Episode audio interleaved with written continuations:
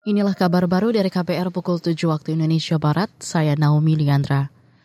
Menteri Agraria dan Tata Ruang Kepala Badan Pertanahan Nasional ATR BPN Hadi Cahyanto mengatakan pertambahan nilai ekonomi kepemilikan sertifikat tanah mencapai 7,26 triliun rupiah.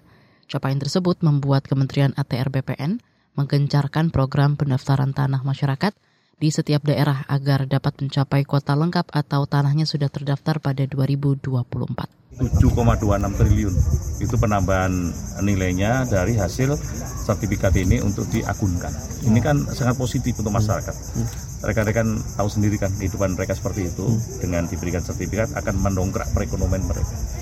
Apalagi sebentar lagi wilayah penyangga IKN. Ini sangat-sangat positif dan benar-benar bisa melindungi masyarakat.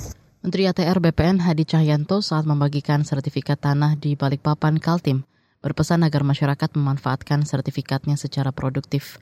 Sebab kata dia sertifikat tanah tersebut dapat melindungi hak masyarakat atas lahan dan bangunan yang dimiliki. Konsorsium Pembaruan Agraria KPA menilai pemerintah kerap mengabaikan konflik agraria sepanjang pemerintahan Presiden Joko Widodo.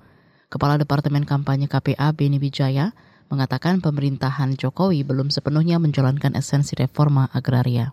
Selama 9 tahun terakhir ini, kita tidak melihat ada koreksi ketimpangan atau penyelesaian konflik di tanah-tanah klaim kawasan hutan dan juga klaim uh, eh, PTPN atau BUMN uh, eh, perkebunan. Nah ini menjadi catatan kita sebenarnya selama 9 tahun terakhir bahwa lokasi-lokasi tersebut yang sebenarnya menjadi kantong-kantong kemiskinan, kantong-kantong ketimpangan, kantong-kantong konflik tadi tidak pernah disasar dengan dalih berbagai alasan misalkan bukan kewenangan dan lain-lain.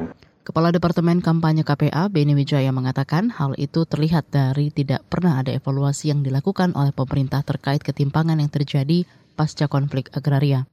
Konsorsium Pembaruan Agraria mencatat tahun lalu terjadi 241 konflik agraria. Tertinggi terjadi pada sektor perkebunan dan agribisnis yakni 108 kejadian, disusul sektor pembangunan properti 44 peristiwa. Saudara kalangan istana menyebut wacana petisi pemakzulan tidak mengganggu kinerja Presiden Joko Widodo. Koordinator Staf Khusus Presiden Ari Dwi Payana mengatakan Jokowi masih menjalankan tugas-tugasnya seperti biasa.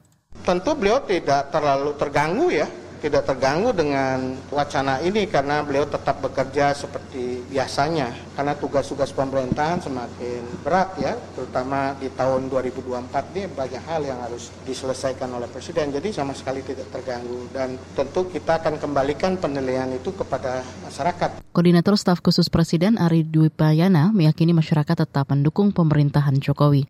Kata dia masyarakat antusias menyambut kunjungan kerja presiden. Sebelumnya sejumlah tokoh masyarakat yang mengatasnamakan diri sebagai petisi 100 mendatangi kantor Menko Polhukam Mahfud MD pada pekan lalu. Mereka melaporkan dugaan kecurangan pemilu 2024 hingga pemaksulan terhadap Jokowi. Saudara, demikian kabar baru dari KBR, saya Naomi Liandra.